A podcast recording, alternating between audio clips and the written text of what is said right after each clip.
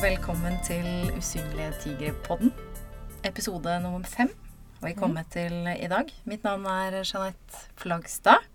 Og i denne podkasten så ønsker vi å gi folk kunnskap og innsikt om rus og pårørende i Norge.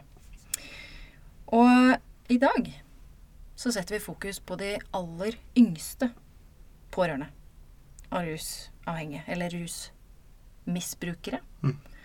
Og det er jo en utrolig viktig gruppe, da. Alle disse som helt uforskyldt går inn og tar mor og fars oppgaver eh, fra de er bitte små. Jeg har fått besøk av Marius Sjømeling og Madeleine Endresen fra BAR, Barn av rusmisbrukere. Mm. Velkommen begge to. Takk. Dere har jo podkast selv, Mm. så dere er jo superdrevne i dette her. Så da. Jeg er ikke så veldig dreven. Nei. Men Marius er kanskje litt mer dreven enn meg. Men du tar ting på sparket, Ja, så det er en fordel. i, i dag gjorde jeg det. I dag gjør du det. Det er fantastisk. Velkommen til dere begge. Du Marius, Mm. vi har jo møttes før. Det har Og jeg har jo hørt litt om din historie. Mm. Men har du lyst til å fortelle litt om deg sjøl? Ja. Kortversjonen om seg selv. Ehm, 35 år, nylig blitt. Eh, bodd i Oslo siden 2005, så nå tenker jeg at nå har jeg varig opphold i Oslo. Eh, jeg lærte en gang at trøndere som blir mer enn ti år i Oslo, de kommer aldri hjem igjen. Så, så jeg varig opphold her. Eh, starta organisasjonen Barn av rusmisbrukere i 2009.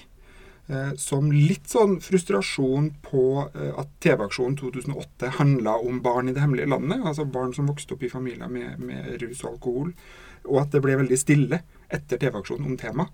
Sånn som det fort kan bli, tror jeg, når det er mye om et tema på kort tid. Eh, og så var det liksom Jeg starter en organisasjon. Mest av alt for at jeg må finne noen andre som også er unormale. Som føler rart, sånn som jeg gjør, og som eh, kan eh, elske det mennesket som har såra meg mest. Eh, og, og møte andre som har den eh, forståelsen eller kunnskapen da, om at det, det er fullt mulig å både elske og hate ett og samme menneske så sterkt. Eh, så litt sånn egoistisk drøm fra jeg var liten, egentlig, som da nå etter hvert er blitt til måte den der eh, jobben og livsstilen og alt sånn.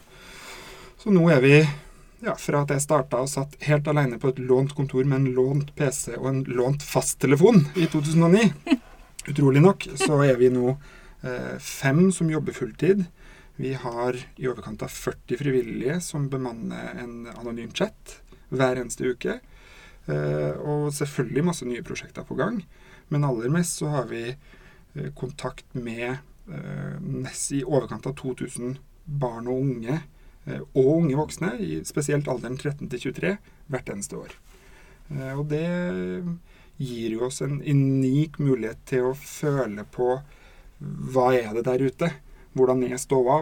Hva er det det egentlig trykker på? Er det sånn som mange tror at dette er utelukkende barn som er offer og har det vondt hele tida, eller er det også barn som er veldig delaktige i sin familie? Og dette er jo barn og ungdom som er veldig delaktige eh, i sin livssituasjon ut fra sin situasjon som barn. Eh, at alternativet er jo, er jo ikke til stede. Så det er mm, Nå er det jo på en måte blitt det fellesskapet som jeg har mangla eh, når jeg var liten. Mm. Den ensomheten er litt mindre. Eh, og det å kunne gå inn i et rom og, og rett og slett kunne si 'Hei, jeg heter Marius'. Eh, mammaen min var rusmisbruker. Eh, og bli møtt med 'hei', og ikke litt sånn 'Å, stakkars du'. Mm. Det er jo det som har betydning for min del. Og det kan jeg gjøre både som en del av jobben min, men også finne på jobben min. Så det er, det er jo blitt et fellesskap, en tilhørighet, som jeg i hvert fall tror er viktig da, for alle oss som eh, enten står i eller står ved siden av disse vedvarende kriselivene, hvis man kan si det sånn. Mm. Eh, så for min del så er det jo en mamma som eh, hadde store utfordringer med rus. Eh, I all hovedsak så var det vel amfetamin, heroin, eh, cannabis. Mm. Og over noen år så kom det også en bipolardiagnose. Eh, Så hva som kom først, det, Mm. det kan, tror jeg hun måtte ha vært bedre til å svare på enn det, enn det jeg er. Ja. Eh, For det, for meg så var jo hun mamma.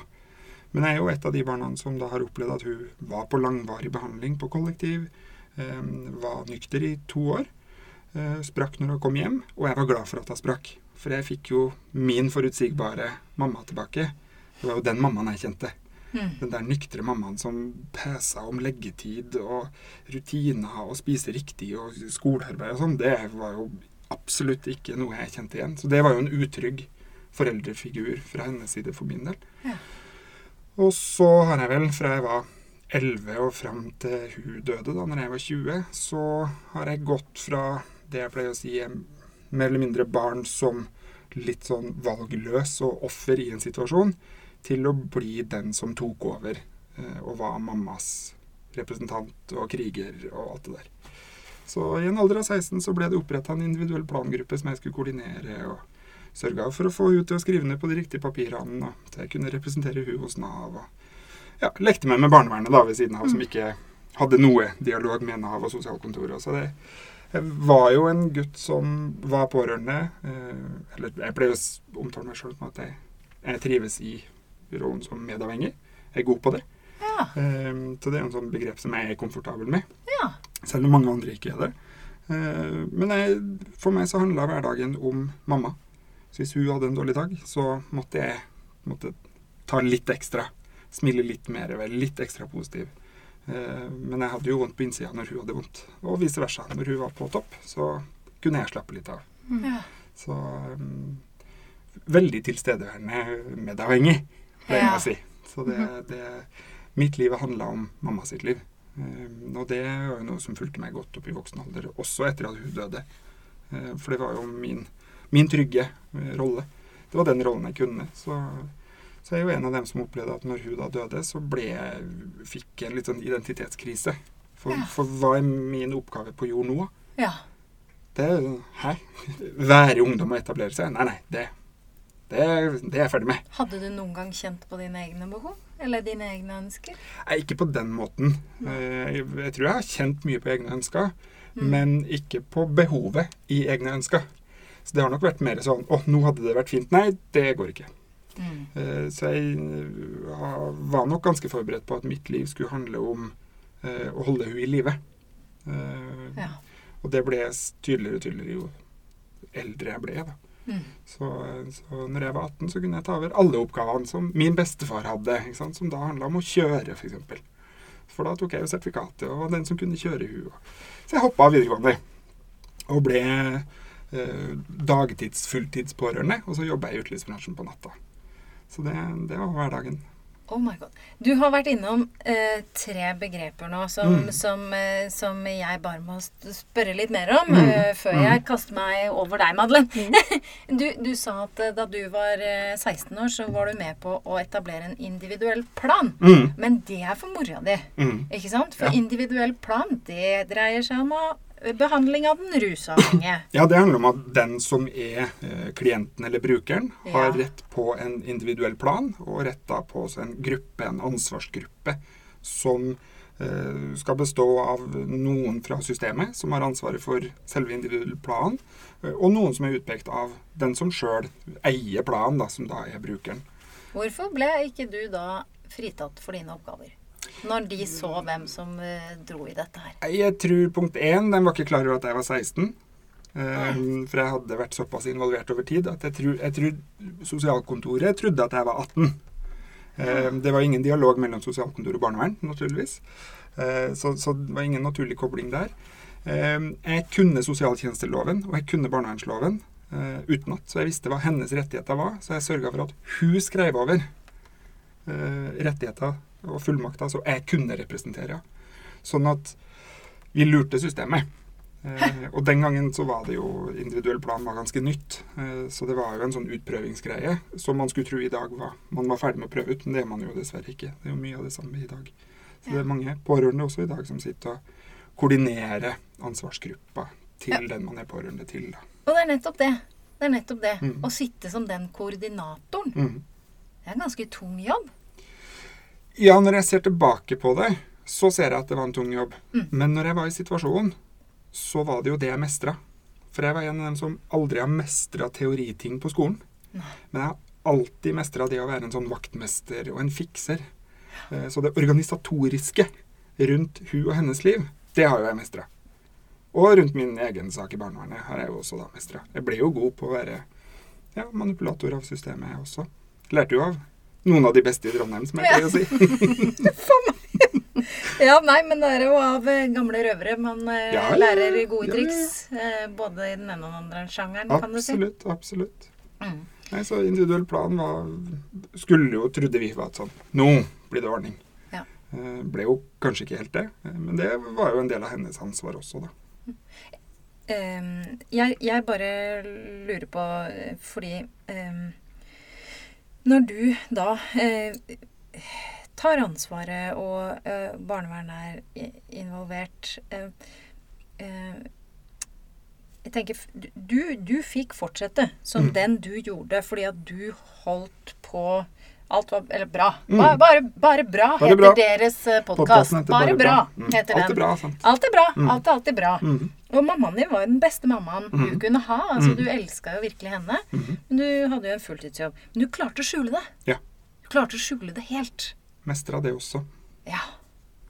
Uh, Jeg tror jeg Jeg har vært uh, En av de egenskapene som jeg har hatt med meg fra jeg har vært liten, er at jeg har mestra det sosiale spillet. Eh, Det å lese en stue med ulike personligheter og kroppsspråk og alt sånn, det, der knakk jeg en kode ganske tidlig. Sånn at jeg visste hvilke masker jeg på en måte måtte bruke i ulike situasjoner. Sånn at, at uh, i min familie så har jeg alltid blitt sett på og omtalt som han snille, høflige, respektfulle. Alltid hjelpe til, bare god kos. ikke sant? Gir oppmerksomhet til voksne. Og trives i oppmerksomhet fra voksne som er snille. På skolen så har jeg utelukkende vært en klovn, en ramp, et uromoment, en kranglefant. Du skal alltid diskutere om alt. Kan du ikke bare tie stille og forstå at dette må du kunne? Uh, mens på en del andre arenaer så har jeg vært den som har hatt et talent, eller alltid vært aktiv, eller ja. Sånn at jeg har mestra de ulike maskene. Uh, og det gjorde nok at jeg kunne holde på sånn i altfor mange år.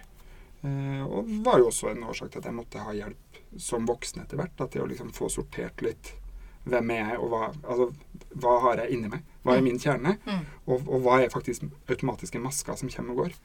Eh, For det oppdaga jeg jo når jeg var voksen etter hvert, at det er jo slitsomt. Det å ikke, ikke ha kontroll, da. Eh, Og ikke liksom kunne si at men, men nå er jeg jo irritert, dette liker jeg ikke. Og i stedet for å uttrykke det, så bare smiler jeg og ja, nei, men dette har vært flott. Så det, det okay. Mm.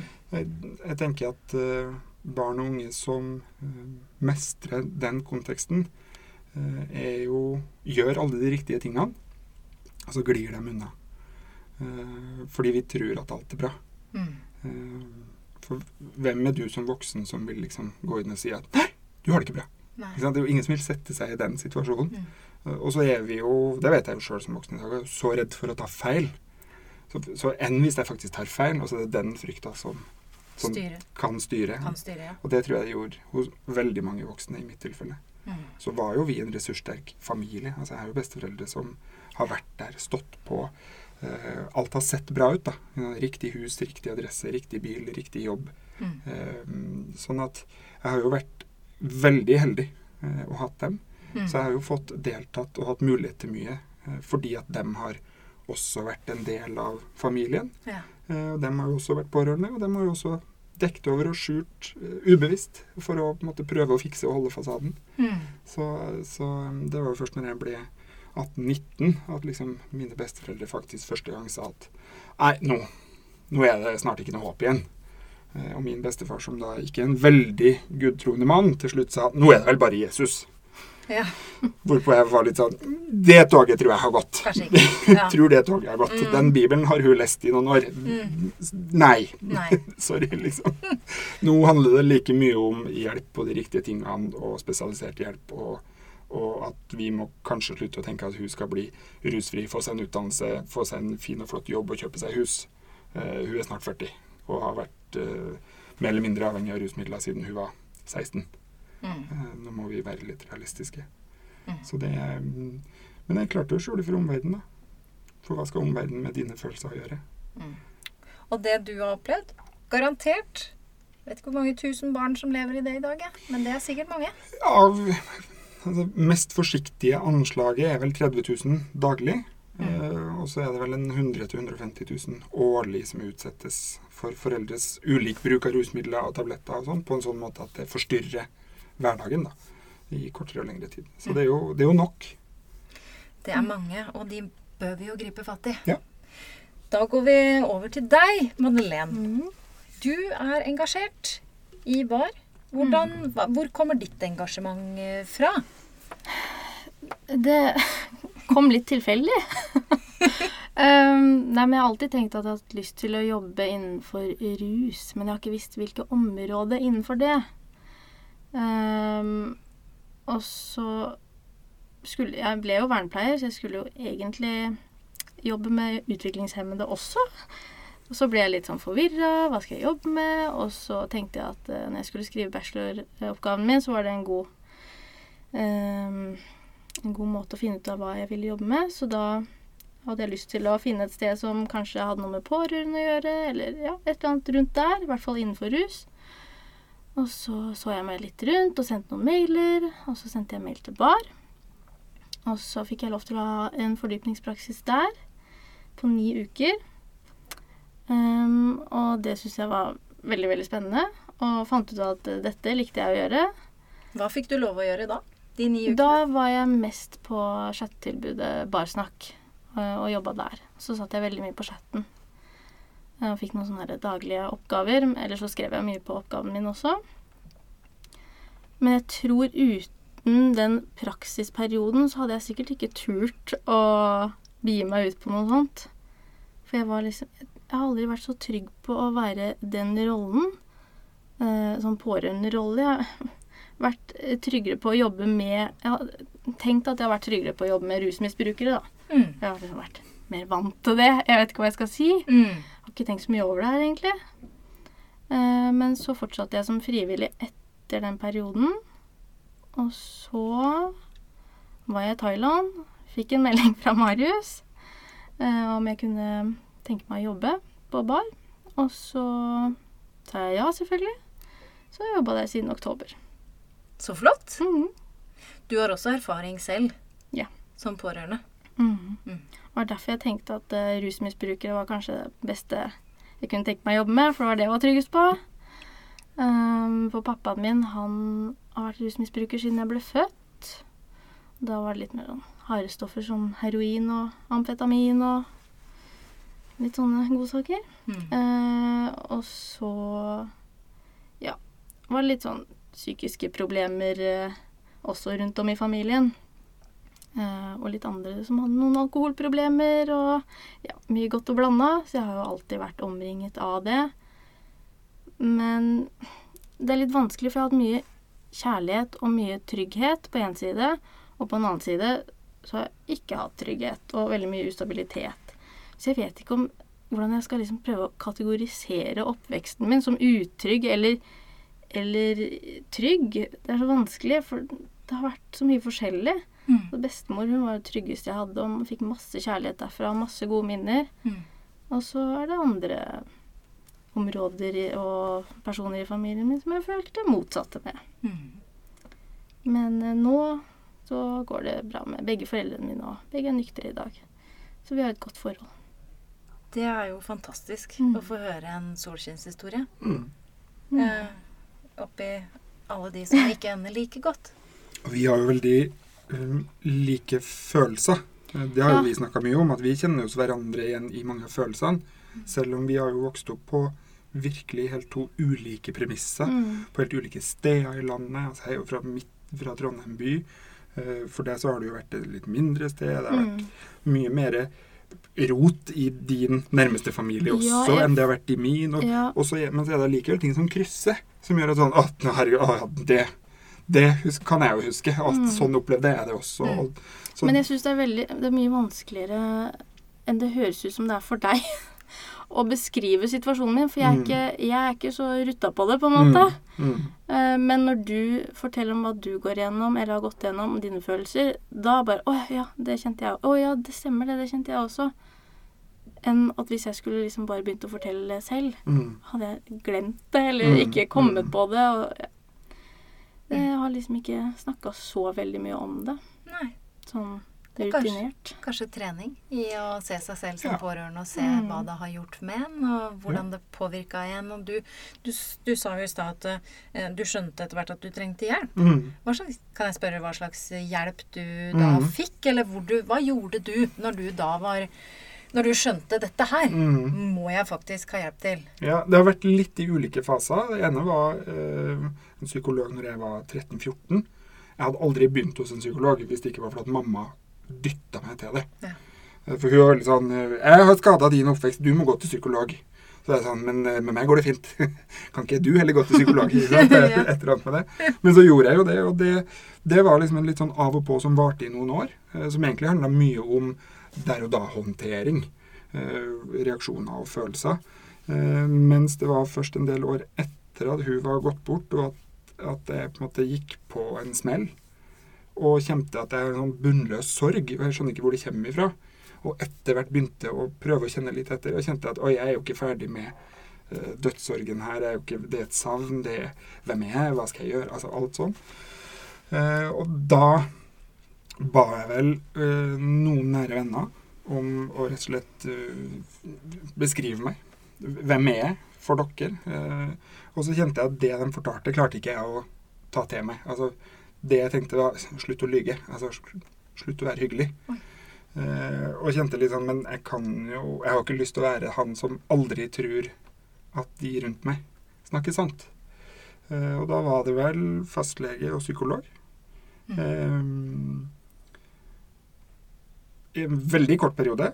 Eh, for det var litt Å, det ble litt mye. Og så ble jeg kjent med eh, noen som eh, dreiv samtalegruppa for barn og unge. Jeg var jo blitt voksen, så jeg var jo utenfor den. Men ble kjent med ei som heter Mia, som dreiv en sånn gruppe. Og begynte å snakke mye med hun. Og hun var en av dem som var de ikke-profesjonelle. Altså hun var kursleder og, og gruppeleder, rett og slett. Og var i utgangspunktet frivillig utdanna, eh, eller frivillig kursa. Og hun var en av de første som liksom Ja, men det er jo normalt. Ja, men når du føler det sånn Nei, det er gjettenormalt. Det er bare gjettenormalt. Det er jo ikke gjettenormalt. Det er ingenting her som er normalt. Jo, jo. Med din oppvekst, det er helt normalt. Så, så hun ble en sånn viktig person, eh, som også da etter hvert var med å starte bar. På, på rett og slett å normalisere eh, noen ting som jeg gjorde at OK, jeg er kanskje verdt noe. Um, og så har det jo vært noen runder hos psykolog etter det. Uh, men jeg er jo både åpen og ærlig om det at jeg har uh, holdt meg langt unna DPS-systemet, Å altså voksenpsykiatri. Hvorfor?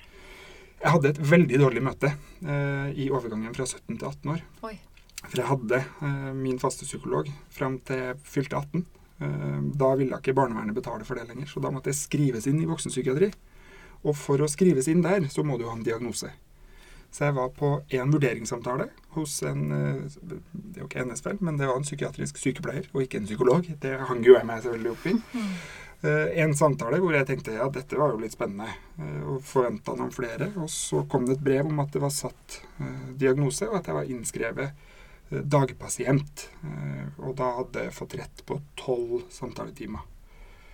Og gikk vel i tre av dem. Hvor jeg da på den tredje tenkte nå veit jeg så mye om ditt liv, og hvem du er, og hvor du kommer ifra. For jeg har vært ganske god på å manipulere hjelpere. Og spesielt kvinnelige hjelpere med stort eh, hjerte. Mm. Det har jeg liksom tatt tak i. Så jeg kunne hele hennes familiehistorie. Fikk du henne til å snakke om seg selv? Ja, ja. Så Og mye- og? Spesielt mye om hennes sønn, som var like gammel som meg, og som Mm. også drev med eh, kjørelæring. Eh, så jeg vet at han strøyk to ganger. Og, ja, ikke sant? Så det, det, og da tenkte jeg dette orker jeg ikke. Eh, For du hjalp jo ikke deg sjøl da heller. Nei, og så hadde jeg jo jeg, hadde vel, jeg tror ikke jeg var motivert for det heller. Altså, jeg var litt sånn, jeg ville gå til han som jeg alltid har gått til. Jeg ville jo ikke ha en diagnose og okay. inn i psykiatrien. Oi, oi, Så jeg har jo er, system, å gå- det er systemet Ja, som blir for min del så var det dessverre det. Så Mm. da har jeg jo vært heldig, da. eh, Å kunne prioritere å gå privat. Eh, Ja. Så det har jeg gjort i perioder. Mm. Og når jeg begynte, og når vi starta bar, så var det en av de første tingene vi bestemte jo at alle ansatte hos oss, absolutt alle ansatte, skal ha som en del av sin jobb eh, betalt psykolog og veiledning. For å debrife eller ventilere? Ja. Snakke Vi møter oss sjøl i døra hele tida. Ja. Eh, Så det er ikke tvang å måtte gå, Nei. eh, men vi betaler for det. Mm. Så det gjør vi den dag i dag, og det, det tror jeg er bra. Mm. Det er trygt. Det er trygt, og, Mm. og ikke minst er det trygt å vite at vi har det. Mm. Eh, Så vi, det er jo noe vi Vi har jo lært av det og ser at det er bra. Så Mm. jeg driver jo støtt og stadig litt sånn Det burde barnevernstjenesten gjøre for sine ansatte. Det burde rusinstitusjonene ha for sine ansatte. Ja. For det er jo noe med at alle vi som skal hjelpe alle andre, vi må jo også Vi må tømme et sted. ja. Hvis ikke så går ekteskap og Ja. samboerskap til dundas. ja, ikke sant. Ventilere litt. Ja.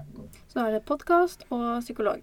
Podkast, psykolog, og så har vi jo Kollegaer. vårt nettverk sant? og kollegaer. Så, så det er jo en sånn det, er jo en, det handler jo om en kultur òg. Og det er jo, vi må ha en åpenhetskultur hos oss hvis vi skal fasilitere at andre skal være åpne. Mm. Så, så, eh, og vi må tåle andres åpenhet. Og det, Mm. det kan jo være utfordrende. det. Det skjønner jeg. Um, dere har barn i alle aldre som kontakter dere. Ja. Mm. Og jeg har skjønt, fordi jeg har prøvd å lese litt, altså nå må jeg google dere litt. Det, det heter barnavrus.no. Mm. Det er én, og så er det eh, barsnakk.no. Mm. Barsnakk er chatten, stemmer det? Mm. Mm. Mm. Hvor gamle er de som eh, kontakter dere? Ja, det er jo som Marius sa, mellom 13 og 23, men eh, de fleste er vel 13 til 16. Ja. Um, men det går litt opp og ned. Hva er det, hva, hva, hvis det går an, det går an å, å på en måte trekke frem Hva er det de strever aller mest med? Mm. Det er veldig sjeldent noen kommer inn og forteller hva de strever med. Oh, ja. Eh, Det er Man må prøve å tolke det, og så må man spørre de fem ganger eh, før man kanskje får noe ut av de. Men store deler av samtalene går egentlig ut på Å, jeg, jeg, jeg tør ikke å fortelle det, og det er så flaut å si det. Eh, er det trygt å fortelle det her? Er du sikker på at du er anonym, eller at jeg er anonym? Mm. Um, og så halvveis ut eller mot slutten, da pleier det å komme. Men da kommer det veldig ofte litt og litt sånn Pappa drikker litt. Ja, hva mener du med litt? Nei, han Jeg vet ikke hvor mye han drikker, men ja, det går bra. Ja, for, føler du deg ukomfortabel når han gjør det? Ja, jo, men det går fint. Så ofte så er det slik at de kommer dit, og de vil snakke, eller de viser at de vil snakke ved å komme dit. Men i samtalen så er det veldig ofte at de viser det motsatte, eller prøver å vise det motsatte, da. Mm. Men ja, det er jo ofte mye alkohol. Mm. Eh, Det er faktisk sjeldent nå i det siste det handla om hardere stoffer Mm. eh, medikamenter. Så ja, alkohol er det som går igjen. eh, Og ofte mye usikkerhet med det, ettersom at det er så vanlig. Mm. Eh, Så mange som rett og slett lurer på om det er et problem. Mm. Ja. Mm. Og det sier jo sitt. Mm. Eh, Det er jo alt fra Vi har hatt en syvåring som lurte på om pappaen var alkoholiker. For at han drakk to øl hver onsdag gjennom hele vintersesongen. ja. Hvorpå vi etter hvert klarte å liksom koble Å, Champions League! Ja, Champions League. Ja.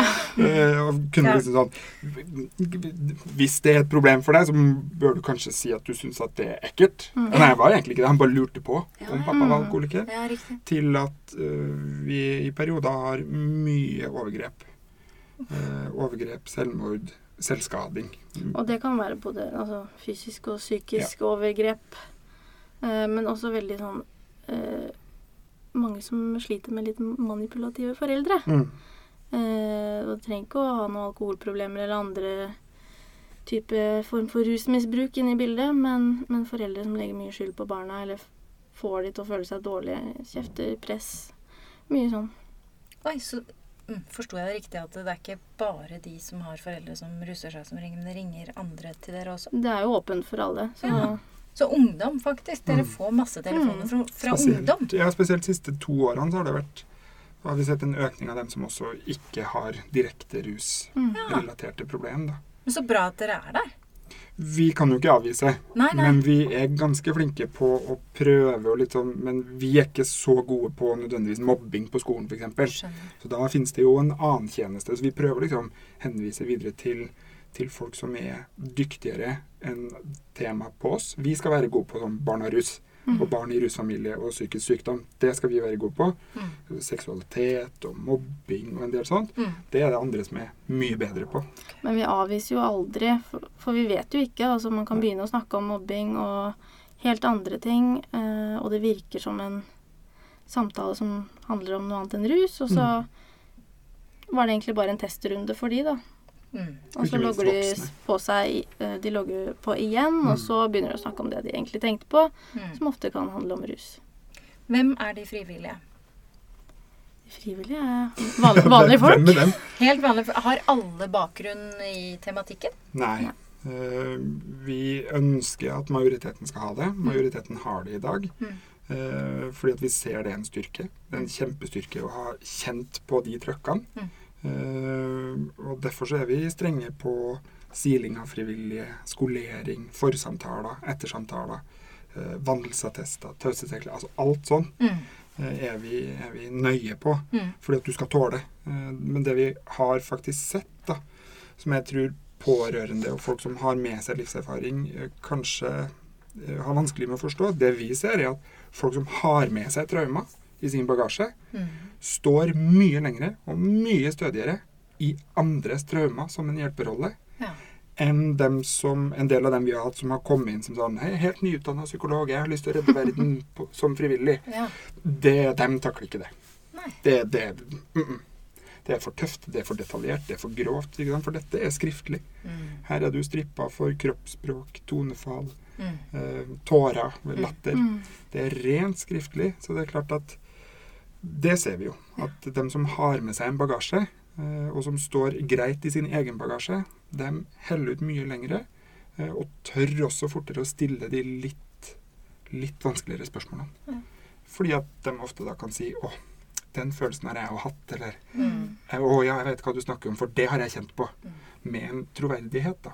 Skjønner. Og så bare vite at man kan ikke redde alle. Ja. Og Og det er så viktig. at man ikke prøver så innmari hardt heller. Mm. Mm. Men man skal lytte Mm. og anerkjenne Mm. og, og forstå. Det er det dere gjør. Mm. Men eh, la meg bare forstå. Dere har chatten, Mm. men så har dere en Facebook-side og en Instagram. Stemmer det? Det er veldig viktig, har jeg skjønt, at, at ungdommene vet, og at de som kontakter dere Chatten er anonym. Mm. Mm. Men Facebook og Instagram Mm.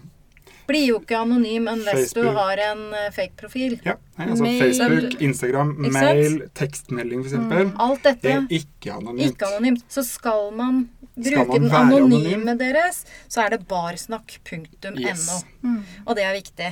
Uh, før vi runder av, så er det, det, det er bare én ting. jeg Bare, dere heier jo Mm. vi så voldsomt på. Jeg vet ikke om dere har hørt så mye om usynlige tigre, for vi er ganske nye som nettverk Mm. av pårørende til eh, rusavhengige. Jeg har fått med at det har vært en undersøkelse ute Ja, som jeg ikke har sett resultatene på ennå. For det snakka vi om senest her for noen dager siden. det er jo kjempefint at du nevner det, for jeg er veldig stolt til å si at uh, vi har fått inn over 300 svar. Så bra. Så det, der har vi resultater å vise, så det kan vi Good. ta et møte på. Eh, men apropos navnet deres. Mm. Veldig kort, fordi vi skal runde av veldig Mhm. snart. Men uh, jeg har vært søstera til et dophue Mm. I 25 år. Mm. Eh, og ikke visste jeg, før jeg liksom slutta jobben min og skulle jobbe i prosjekt, og han og broren min og jeg vi skulle ut og drive forebyggende arbeid osv., og, så videre, og så skulle jeg bli kjent i rusfeltet. Mm. Kjent med fagfolk, folk som har nykra seg, mm. behandlere osv. Og du verden du hvor fort det kom da. fordi for meg så var jo broren min et dophue. Jeg Mm. visste jo at den var på trynet. Mm. Men jeg fikk jo veldig kjapp beskjed om Mm. at eh, dophue, det måtte jeg jo ikke bruke. Nei, nei. Nei. Uh, og der er det forskjell. Det er forskjell på rusmisbruker og rusavhengig, og Ja. du verden. Ja, Og det kan hyles og skrikes Og narkoman og alkoholiker Ja. og narkis og ikke-narkis. Og nakter og ru Rusanvender. rusfri. Ja. Her er det liksom Russtabil, siste jeg hørte noe. Russtabil, Det er jo ja. også en Nei. Ja, så er her skal man, man, skal, man skal sno seg rundt riktig Ja. i tematikken eh, Mm. og i vokabularterminologi. Mm. Men det er jo en grunn til Mm. at dere har kalt dere barn av rusmisbrukere. Ja. Why? Hvorfor? Den enkleste forklaringa er, uh, på en halvt års diskusjon før vi starta, for det, man diskuterer jo hva man skal hete, Ja. uh, er at rusavhengig det er en sykdom og en diagnose som utløser rettigheter. Det starta jo i 2005. Mm. Uh, Det er vi veldig fornøyde med. Mm. Men vi skal ikke representere bare dem som har foreldre med en anerkjent, godkjent diagnose som utløser rett til behandling og hjelp. Mm. Vi skal også være for dem som er i den for mange lange, lange perioden før du er, misforstå meg rett, eh, rusavhengig nok til å være rusavhengig. Mm. Eh, så det er det som har vært eh, viktig når vi starta opp. Mm. Det vi stort sett opplever, er jo eh, reaksjoner på det vi heter, fra fagfelt og gjerne profesjonelle. eh, Ofte barnepsykologer, psykiatere, altså barnevern og sånn. er det veldig stigmatiserende med rusmisbrukere. Mm. Eh, det må man jo gjerne tenke. Eh, jeg har foreløpig ikke møtt en, det vi kaller for barn av, da, som har kommet og liksom reagert og følt seg stigmatisert av at vi heter det. Det er jo det viktige for oss. Og det er det samme som broren min. Ja. Når han og jeg kjørte prosjektet, så het det 'En glad gutt og søstera til dopue'. Han var helt enig, Ja, ja. for det var jo akkurat det han Mamma hadde vært. omtalte seg sjøl som, som narkis, men Ja. jeg ville jo aldri gått og brukt det begrepet i dag, eh, fordi at jeg vet hvor Mm. Hvilken diskusjon og krenkelse jeg havner da inn i. Da blir jeg satt inn i en greie og bare, som jeg ikke skjønner. Så vi, vi diskuterer mye begreper hos oss. Eller vi diskuterer mye om at det diskuteres så mye om begrep. Ja, For det, det syns vi er litt spennende. ja De svakeste og de sterkeste og de, dem i midten og ja. Når, når er du svakest? Det, det lurer vi jo stadig på. Ja, ikke sant? Eh, Jeg har lyst til å gå ut med et pang. Mm. Og det er eh, Vi snakka litt om eh, ja, i stad. Dere har jo jaggu blitt anerkjent mm. og fått en gedigen sum med penger. Mm. Veldig kort før vi avrunder, fortell hva dere fikk av Kavli. Kavlifabrikken lar de ansatte hvert år stemme fram ti mottakere av gaver. Uh, tydeligvis så har de en sånn rangering. Uh, jeg tenkte at det er sikkert 10 000 kroner som en julegave. Det er jo hyggelig. Uh, det viste seg at vi havna på andreplass, og det betydde 800 000.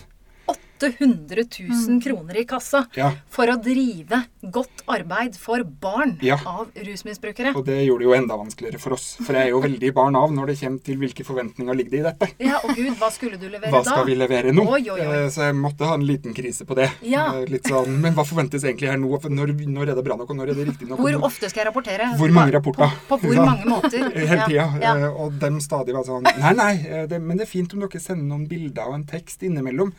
Hver uke?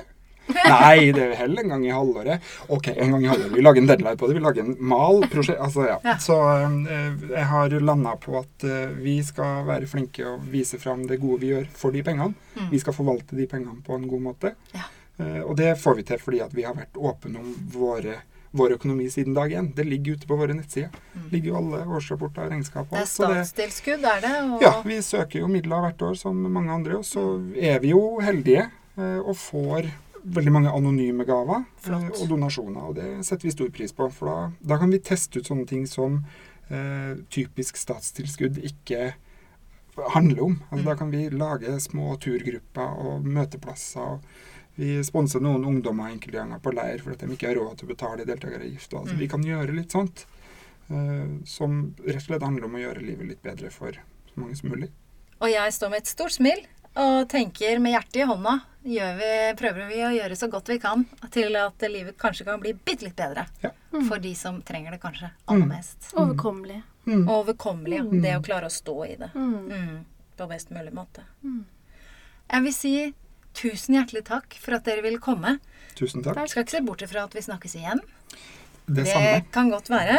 Eh, og, og denne podkasten den skal publiseres både på websiden vår, usynligtigre.no, på Facebook, Instagram og ja, vi har mye å snakke om når det dreier seg om kunnskap og innsikt om rus og pårørende. Absolutt. Ja, det ble liten tid det her plutselig. Ja, det ble turbofart på snakkinga. Ja. Sånn er slutt. Sånn er det. Tusen takk til dere begge. Takk skal du ha.